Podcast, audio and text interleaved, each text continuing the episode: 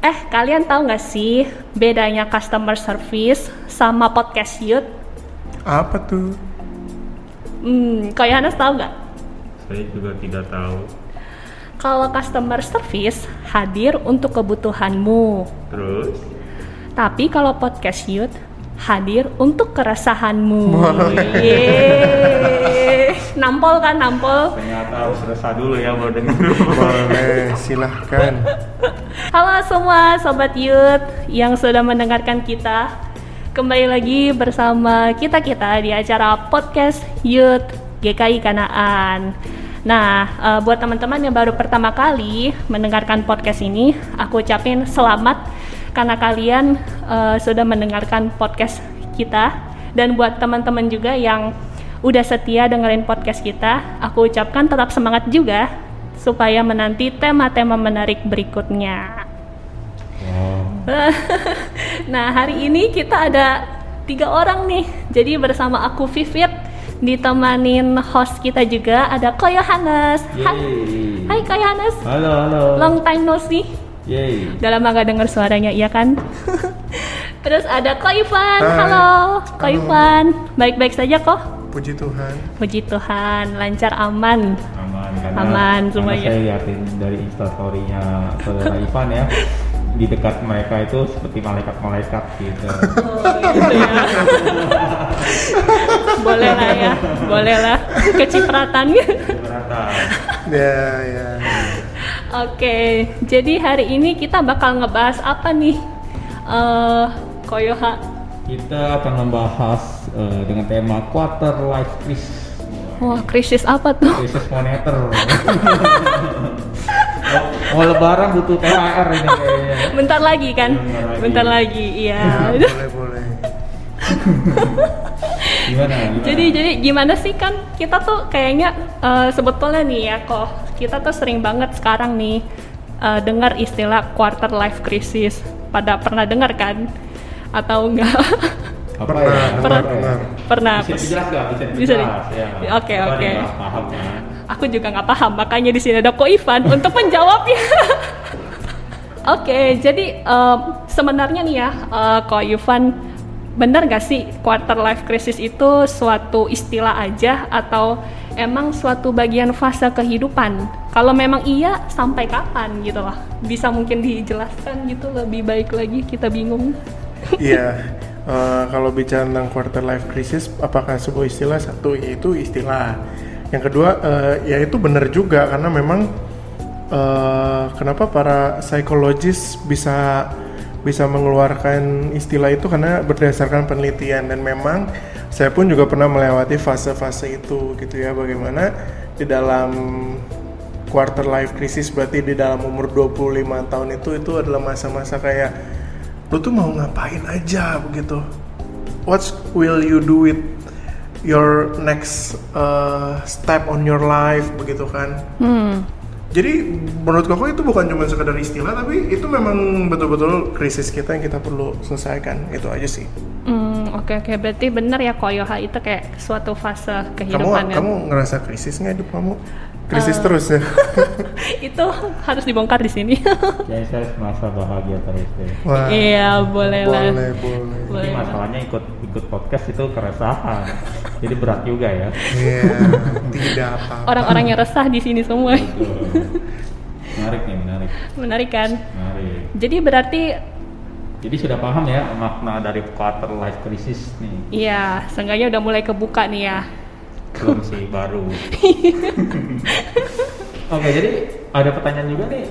Normal nggak sih kalau kita semakin dewasa itu kita semakin cemas dan was-was untuk eh, kehidupan di depan kita? Hmm, gimana tuh kok? Kalau misalkan bicara tentang cemas dan was-was ya, justru eh, ini menandakan kamu masih hidup. ya.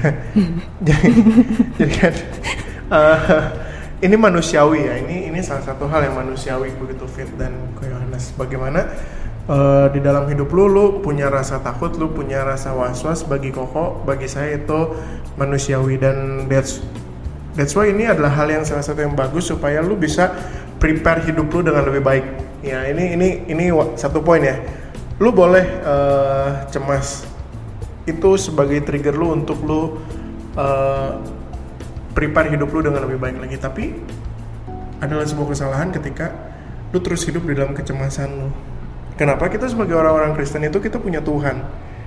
Seringkali kita tuh cuman mengandalkan Tuhan itu cuman untuk berkatnya aja. Tapi kita lupa kita memiliki Tuhan itu sebagai harapan kita. Makanya Alkitab tuh bilang di dalam Ibrani 6 ayat 9 di situ bilang kayak gini nih pengharapan itu adalah sauh yang kuat dan aman bagi jiwa kita yang telah dilabuhkan sampai ke belakang tabir. Sesungguhnya setiap kita yang udah punya Tuhan itu tuh bukan seperti perahu yang bisa diombang-ambingkan ya sebenarnya. Betul masih ada ombak yang bisa mengombang-ambingkan tapi lu itu punya sesuatu yang menahan lu. Maksudnya apa? Di dalam kecemasan lu lu nggak perlu sampai out of control karena lu punya Tuhan lu punya pengharapan nah masalahnya di dalam youth menghadapi quarter life crisis mereka ini somehow tidak banyak orang yang memahami bahwa ada Tuhan di dalam quarter life crisis lo.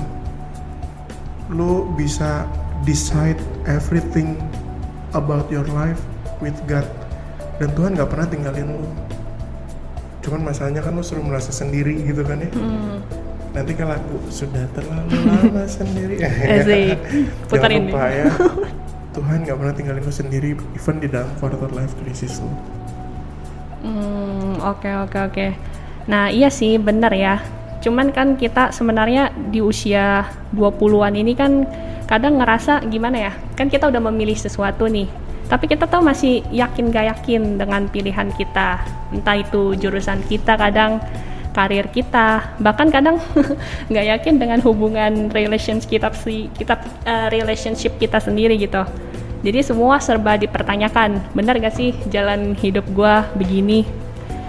Nah kira-kira dalam masa-masa kayak gitu apa sih yang harus kita lakukan ketika sebenarnya uh, kita tuh udah nih kayak udah berdoa gitu sama Tuhan. Tapi masih merasa malah makin didoakan tapi kok kadang malah nggak ngerti kehendak Tuhan tuh atas hidup kita tuh apa? Iya iya. Uh, terima kasih buat curcolnya ya tapi ini bagus juga ya. Memang terkadang apa yang kita semakin doakan dan kita semakin dibuat tidak mengerti itu terkadang terjadi. Kenapa kita semakin tidak mengerti? Sesungguhnya itu adalah satu perasaan yang Tuhan taruh supaya kamu cari Tuhan lebih lagi kamu harus bisa membedakan yang mana ketika Tuhan menutup pintu begitu ya. Dengan yang mana yang Tuhan pengen kamu itu terus menerus gali. Kalau misalkan di dalam kebingungan kamu kamu melihat tidak ada kesempatan yang terbuka dan seakan-akan kamu nggak bisa berkembang di dalam poin itu itu artinya Tuhan sedang menutup pintu itu tetapi kalau kamu terus sama Tuhan dibawa ke dalam kebingungan bahwa oh mungkin gue harus maju ke titik yang selanjutnya titik B. Nah itu adalah kebingungan-kebingungan yang sebenarnya itu adalah setiap footstep setiap langkah-langkah yang kamu perlu jalanin satu langkah demi satu langkah. Terkadang kita sebagai sebagai anak muda ya sebagai uh, generasi milenial kan kita tuh pengennya gini langsung tahu tujuannya tuh di sana. Hmm, Bener gak sih? Biar clear gitu ya. Iya, udah clear terus nanti kan kita bakal kayak song ngatur Tuhan gitu. Uh, ya udah gue ke sananya gini caranya ya Tuhan gitu kan pernah gitu nggak sih mikir gitu pernah sih ada ekspektasi iya yeah. yeah. sering sering banget ya kok tapi masalahnya di dalam Alkitab sendiri ditulis kayak gini setiap tokoh-tokoh Alkitab yang ada itu tuh Tuhan suruh melangkahnya tuh satu langkah demi satu langkah Tuhan tuh nggak ngomong begini uh, pergi ke ke kota A ke kota B kecuali Yunus ya. Kecuali beberapa orang gitu ya. Tetapi somehow kayak Abraham ya. Abraham cuma Tuhan bilang gini pergilah ke negeri yang akan kutunjukkan padamu. Kalau gue jadi Abraham ya gue bakal ngomong gini negeri yang mana? Terus mungkin Tuhan akan jawab gini yang akan kutunjukkan padamu. Kenapa nggak tunjukin sekarang aja Tuhan? Bener gak sih? Gitu kan. nanya lagi. Iya karena terkadang yang Tuhan tuntut dari kita itu bukan hasil aja. Yang Tuhan tuntut dari kita adalah prosesnya juga. Tuhan pengen kita tuh berjalan selangkah demi selangkahnya juga bersama dengan Tuhan. That's why kayak Paulus ya, Paulus ketika Paulus lagi memberitakan Injil di dalam kisah para rasul kan itu menceritakan bagaimana perjalanan uh, misinya Paulus itu sampai tiga kali perjalanan begitu kan. Hmm, hmm, hmm. Sesungguhnya apakah Tuhan langsung kasih tahu ke Paulus, Paulus kamu tuh nanti uh, akan memberitakan kepada orang-orang yang non Yahudi? Enggak.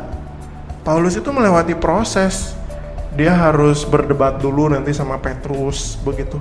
Sampai pada akhirnya dia mengetahui bahwa langkahnya dia adalah memberitakan Injil untuk orang-orang yang non Yahudi. That's why sebagian besar gereja-gereja yang non Yahudi itu didirikannya uh, oleh Paulus begitu.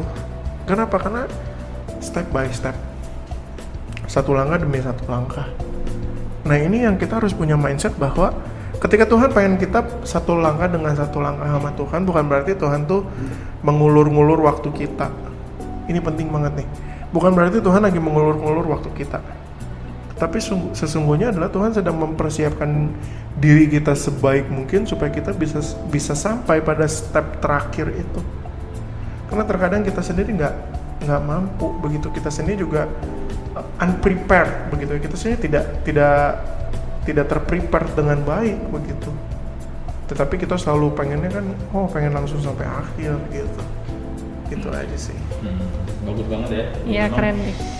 kalau saya tambahkan memang ada beberapa hal yang kita harus pelajari tentang taat dan setia juga kepada Tuhan. Hmm. banyak hal uh, terkadang kita juga seringnya uh, memang benar menuntut daripada kehendak kita sendiri. Yeah. tapi kita tidak sabar untuk uh, menunggu daripada kehendak Tuhan. Benar-benar. Jadi kita juga salah satunya Tuhan itu memberikan kita uh, ujian. Sebenarnya bukan ujian lah ya. Kayak ada rintangan yang mungkin bagi kita kita mau buru-buru untuk selesaikan.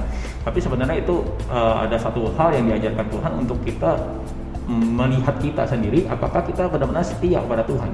Apakah kita cuma hanya untuk men mencari yang uh, baiknya daripada Tuhan tapi ketika ada masalah kita baru akan mengeluh tuh betul apalagi kalau kita ingat Musa uh, apa yang menjadi life goal dari Musa? Orang-orang melihat life goal Musa adalah Musa akan berakhir di tanah Kanaan, begitu kan? Mm. Tetapi apakah Tuhan izinkan Musa masuk tanah Kanaan? Enggak. Karena memang yang terpenting itu adalah ketaatan jalan selangkah sama selangkah sama Tuhan begitu. Ketika orang-orang men-set melihat bahwa harusnya Musa itu berhasil uh, masuk tanah Kanaan, berarti dia berhasil dalam hidupnya Lalu kalau misalkan dia nggak masuk ke tanah kanan, apakah dia jadi nggak berhasil? Nggak juga, karena di dalam ulangan sendiri dibilang gini ya. Ini uh, Musa itu dicatat meninggalnya itu gini. Lalu matilah Musa, hamba Tuhan itu sesuai dengan firman Tuhan. Lu bayangin, meninggal aja sesuai dengan firman Tuhan.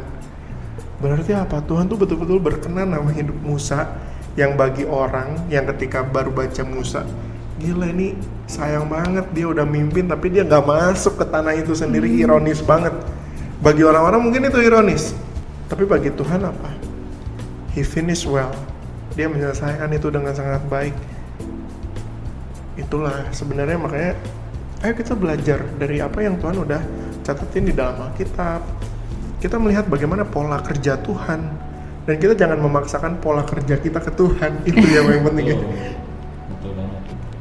Iya, nah, menarik juga kita kan udah masuk ke jenjang pekerjaan juga ya, banyak hmm. banyak yang yang udah masuk ke pekerjaan nih, apalagi terutama uh, masa pandemi ini agak sulit ya. Nah, bagaimana sih cara ngatasin kecenderungan hati kita yang sering membandingkan hidup orang lain nih dengan hidup kita sendiri gitu.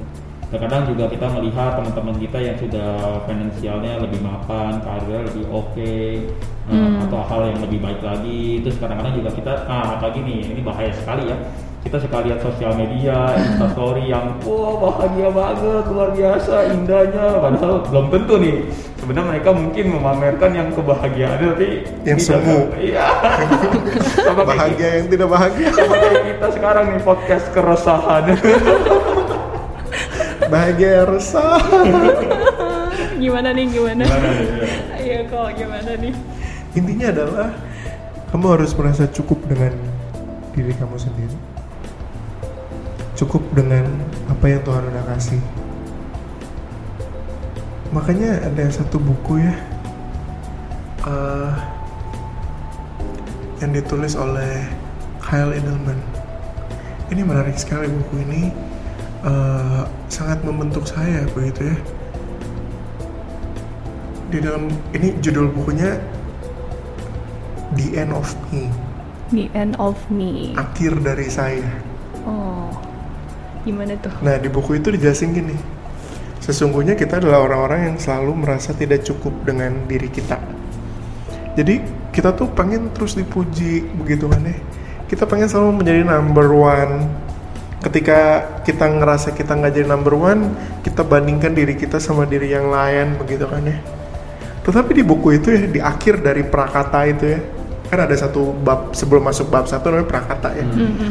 Aku tuh sampai hafal kalimatnya. Ketika kamu selesai dengan hidup kamu itu adalah permulaan dari kehidupan Yesus di dalam hidup kamu. Jadi sesungguhnya adalah kamu harus betul-betul merasa cukup dengan diri kamu, baru sesungguhnya nanti Kristus bisa terpancar dari hidup kamu. Hmm. Nah masalahnya untuk kita cukup dengan diri kita ini susah kan? itu tuh tidak semudah yang digampangkan ya, eh yang digambarkan dan teori-teorinya itu seakan-akan gampang tapi melakukannya setengah mati. Oh, itu selalu always. Mm -hmm. sulit untuk apa? Mudah untuk berkata-kata, sulit untuk dilakukan. Iya, iya makanya iya. itu disebut teori, begitu kan? teori, iya, iya. Kalau itu gampang dilakukan namanya praktek. Uh, iya, Bagaimana cara kita untuk cukup dengan diri kita sendiri? Yang pertama satu, mari kita pahami bahwa tidak ada di dunia ini yang bisa mencukupkan kita selain Kristus. Terus kan nanti kan ngomongnya bakal gini, ya kali kok ngomongnya Kristus lagi, Kristus lagi, benar kan? nanti kan anak-anak muda kan ngomongnya gitu, Kristus lagi, Kristus lagi. Tetapi memang itu kenyataannya dan dalam buku itu dibilang kayak gini, ketika kamu merasa kamu tuh tidak cukup dikasihi orang tua kamu tuh tidak mengasihi kamu. Kamu punya pengalaman buruk tentang uh, cinta kamu. Kamu punya pengalaman buruk tentang persahabatan kamu. Kamu punya love crisis begitu ya. Justru di titik itu kamu harus sadar bahwa hanya Kristus sajalah yang satu-satunya bisa mampu mengasihi kamu apa adanya. Dan itu cukup. Kematian Kristus di atas kayu salib itu cukup. Tetapi untuk kita memahami ini sampai betul-betul meresap itu kamu perlu menyadari bahwa begini, kamu tuh betul-betul nggak layak pada dasarnya untuk menerima kasih Kristus. Hmm. Siapa sih kamu? Siapa sih saya? Siapa sih kita? Tetapi Kristus mau mati buat kita. Hmm. Nah, teman-teman, titik itulah titik ketika kita menyadari kita nggak layak dan Tuhan betul-betul cintai kita. Itu adalah titik di mana kita mulai belajar cukup dengan Kristus sesungguhnya nanti kamu nggak akan jadi orang yang haus akan pujian lagi ya kamu nggak akan jadi haus akan kekuasaan kamu nggak akan haus akan cinta lagi ya kan? Ada orang-orang yang tabung cintanya tuh seakan-akan bocor kan? Ya tabung kan? cinta ya? Iya tabung kasih ya begitu ya. Okay. tabung penabungan kasihnya bocor karena apa? Karena trauma karena sakit luka yang dialami lalu dia jadi pelariannya tuh jadi cari banyak banyak kasih di tempat-tempat lain dia jadi cari perhatian di tempat-tempat lain. Oh. Mm -mm. Uh dan pada akhirnya dia akan jadi membanding-bandingkan diri dia. Kok gue kurang dicintai dia lebih dicintai. Dia lebih berhasil gue lebih berhasil. Gue lebih gini dia lebih gitu. Kan misalnya mm -hmm. nah itu harus diperbaiki. Kristus itu cukup buat kamu. Kristus itu cukup buat kamu guys. Itu yang kedua untuk kita bisa mencukupkan diri kita. Selain kita memahami bahwa Kristus cukup untuk kita kita harus paham bahwa Tuhan itu menciptakan kita tuh sama spesialnya nggak ada yang lebih spesial nggak ada yang lebih sedikit spesial. Gitu ya. Nggak ada yang nggak ada yang nggak ada oh dia nih uh, kelebihannya ini dan gue sangat kerendahan dalam hal ini. Enggak tiap orang they have their own specialties. They have their own talents itulah sebabnya stop banding bandingin diri lo karena Tuhan nggak pengen bandingin bandingin diri lo. Karena Tuhan menciptakanmu spesial lu cuma ada satu-satunya di dunia ini dari zaman Adam dan Hawa sampai nanti akhir zaman. Cuma ada satu Arfi Fit cuma ada satu Yohanes Theodor cuma ada satu Ivan Simeon Halim Ivan lu yang kembar pun lu tuh pasti beda begitu. Stop banding-bandingin karena Tuhan pun tidak banding-bandingin kamu Oke oke oke. Ini bagus menampol banget nih. Hmm.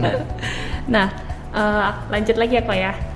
Kan kita tuh sebenarnya di zaman ini tuh uh, apalagi memasuk mas, memasuki usia segini suka dibilang nih uh, harusnya kamu di umur segini carilah udah mulai cari jodoh nih yang mapan atau misalnya harusnya tabungan kamu sekian udah ada aset sekian harusnya kamu udah bisa cicil rumah nah emang gimana sih standarnya kemapanan atau kehidupan menurut Alkitab? Sebenarnya Alkitab uh, tidak terlalu berbicara tentang tentang hal-hal seperti ini ya. Hmm. kenapa? Karena Alkitab lebih menyoroti hal yang lebih dalam dan dasar yaitu dosa dan keselamatan.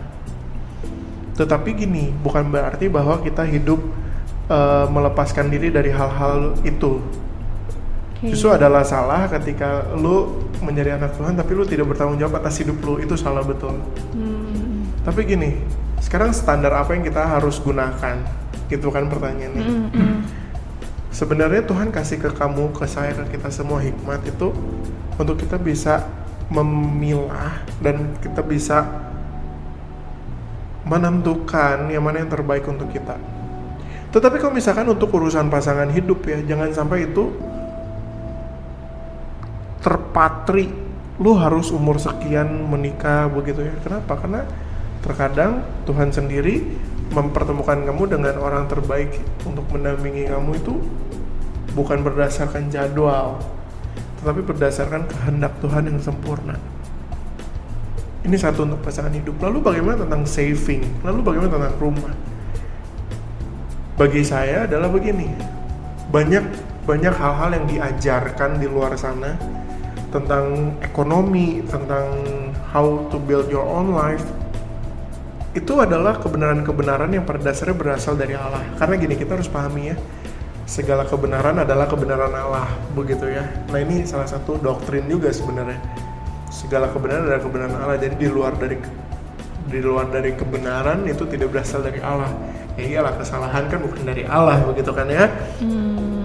Kamu bisa belajar dari teori-teori itu bagaimana sepertiga saving, sepertiga buat your uh, apa in, investment sepertiga buat uh, kebutuhan kamu. Itu ada banyak teori-teori yang hayo jangan mager cari itu lakukan itu. Lakukan. Ya. terkadang kan kita cuma ah ya gimana sih gimana? Enggak lu cari dong cari gitu ya. Kenapa kita tuh susah banget nyari gitu. Dan terapkan itu nah ini batasannya. Sejauh itu tidak bertentangan sama firman Tuhan, sejauh itu bisa membuat kamu lebih memuliakan Tuhan, itu kamu bisa lakukan. Dan sejauh itu bukan dosa, ingat, sejauh itu bukan dosa. Kenapa? Kan nanti jadinya gini, jadi penggelapan boleh dong kok. Yang enggak lah. Tidak seperti itu Bambang. Begitu kan? Oke. Okay. ya, ya itu.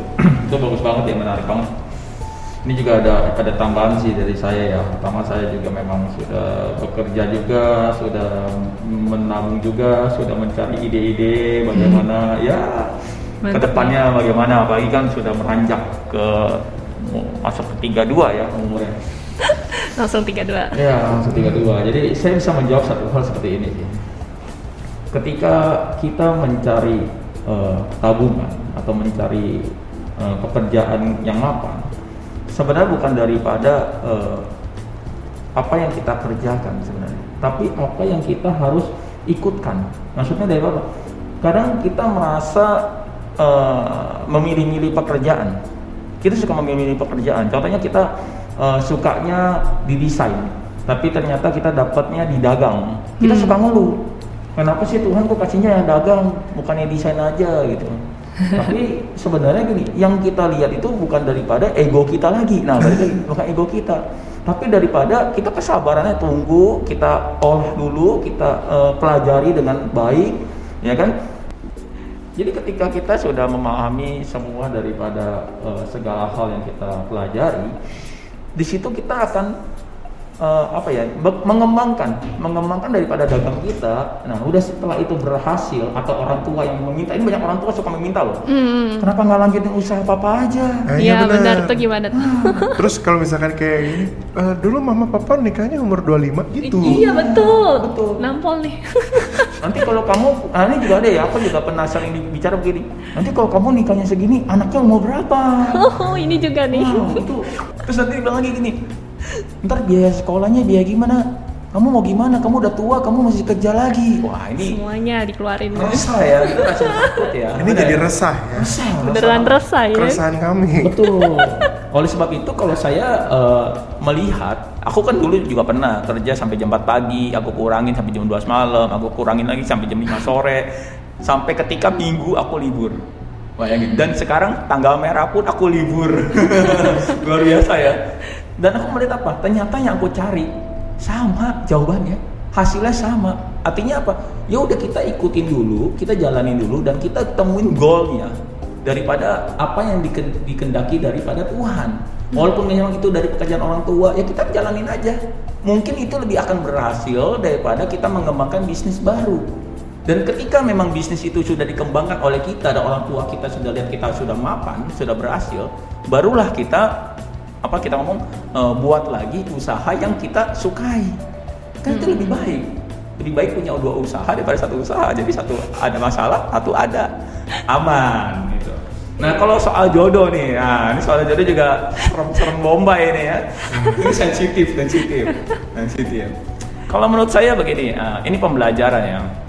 Banyak orang yang berdoa ketika mereka mau nembak ceweknya.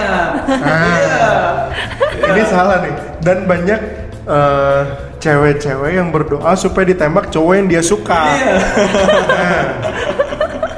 Nah, Tapi setelah mereka sudah berdoa dari awal ya dan sudah diterima oleh Tuhan, jadi itu kan mereka lupa, lupa apa? Lupa doa, lupa saat teduh bareng, doa malam malam bareng. Nah ini, tapi ketika ada masalah, komplain lah dia sama Tuhan. Tuhan kok kasih pasangan seperti ini sih gitu loh. Ya kan? Banyak kan, banyak kan. Banyak banget. Tuhan kok kenapa sih kok Tuhan nggak ikut campur tangan sampai kita mau putus nih? Ya banyak nih. Ya kan? Sampai ketika Tuhan bilang gini, malah kita coba kok lagi nih. Tuhan, apa sih Tuhan maunya? Aku benar-benar cinta sama dia, tapi kenapa sekarang kau putus dengan dia? Wah, itu dia bahayanya. super krisis. Ya, itu itu bukan kuarter Resah. lagi loh. Full, Full. full. Full krisis. Ini pengalaman yang memang 20 ke atas sampai nanti menjelang pernikahan itu akan seperti ini sebenarnya. Ya, Ini salah satu solusinya seperti apa? Mendekatkan diri kepada Tuhan. Nah itu. Benar ya? Nampol, nampol nih, Ya. nampol. Jadi jangan pernah tinggalin Tuhan. Kenapa? Tuhan aja sudah mati untuk kita di kayu salib. Apa yang kita bisa bayar untuk Tuhan? Gak ada. Intinya apa? Setia. Setia mendengarkan firman-Nya, membaca firman-Nya, berdoa. Gitu dan merenungkan firman-Nya untuk melakukan di kehidupan kami sehari-hari. Seperti itu bukan? Iya. Betul banget. Nah, itu dia. Ini berat sekali tapi harus dilakukan. Iya. Jadi kalau tidak tahu tanya Ivan. Iya. Yang mau konseling pribadi boleh nanti hubungi Instagram Youth karena. Iya. Iya, DM aja DM, langsung Iya. dibahas. Nanti kita bisa bantu-bantu lah untuk hal seperti ini.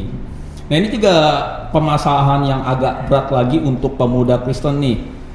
Gimana sih caranya untuk eh, menghadapi perasaan yang tertekan atau kita gagal nih di dalam diri kita? Nah ini juga satu satu hal yang paling sulit ya. Suka berhasil pertama kalinya, nanti udah tengah-tengah jatuh nih. Jatuh. Wah dia jatuh langsung kayak ya kayak tadi sih sama kayak patah hati. Kayak gak guna gitu. iya. Semua.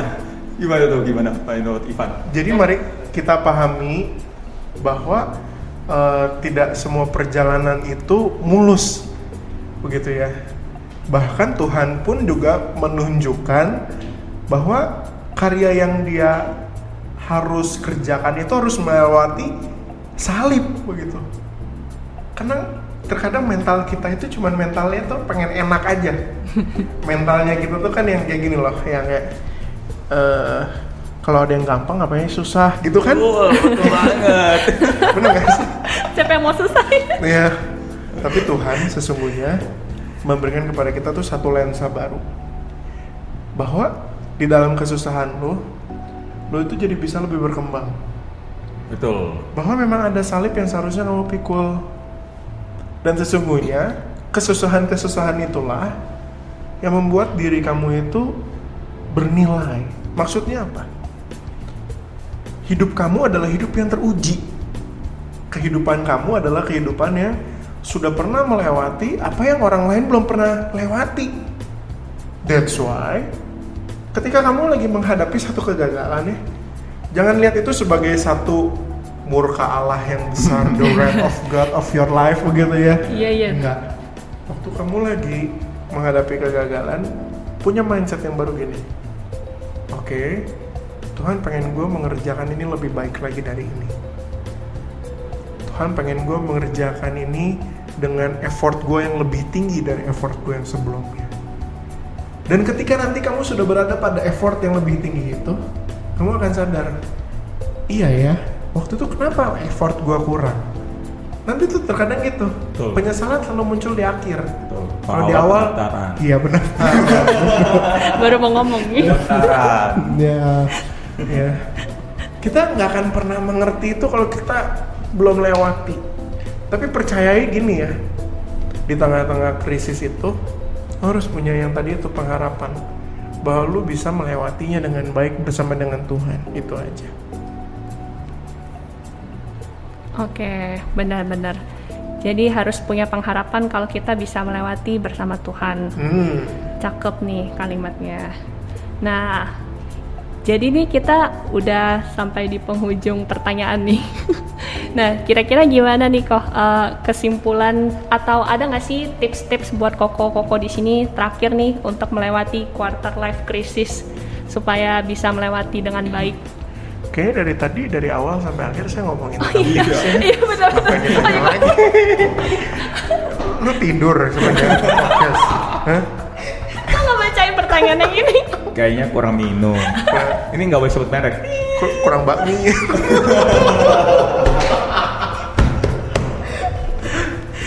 Jadi gimana nih? Ini lanjut aja. ya, gini aja. Jadi kok gimana uh, closing statement? Oh gitu iya, ya? kakaknya. Jadi Oh itu bagus loh sebenarnya itu tadi terakhir bagus loh itu. Apa? itu masukin sekalian. Apa itu mas? Iya.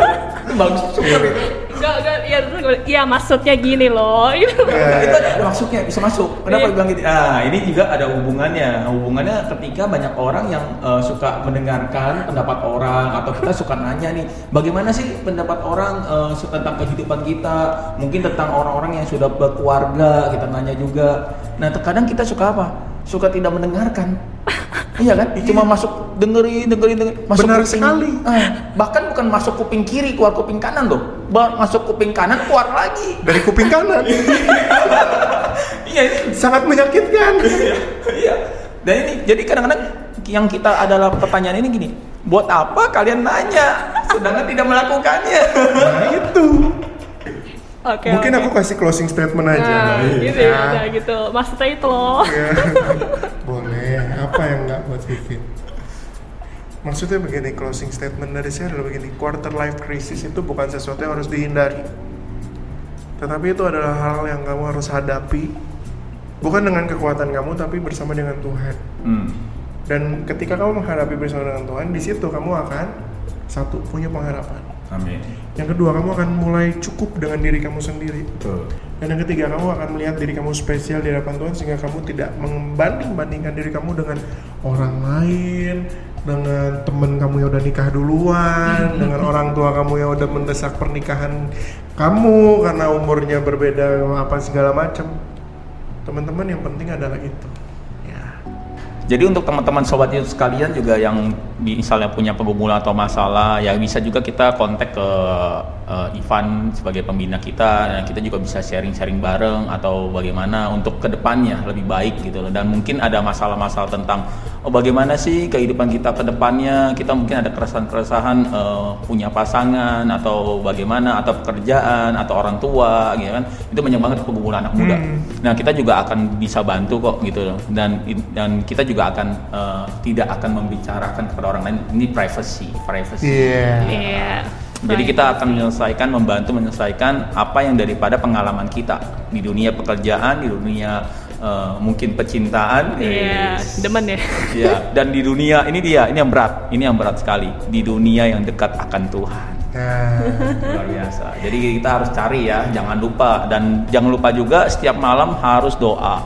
Setiap pagi saat teduh, jangan lupa. Kenapa? Banyak orang bilang begini, aduh aku nggak punya waktu untuk berdoa.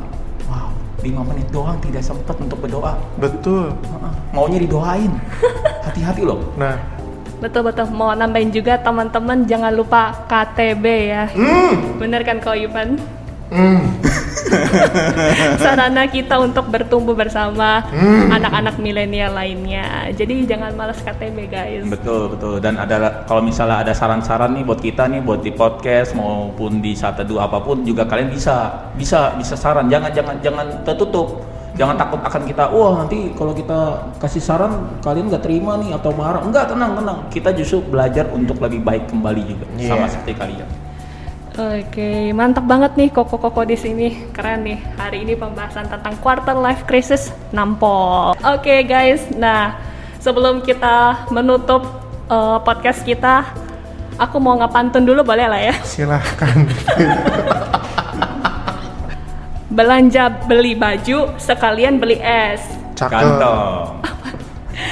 We will gonna see you on our next podcast. Bye bye. Bye-bye.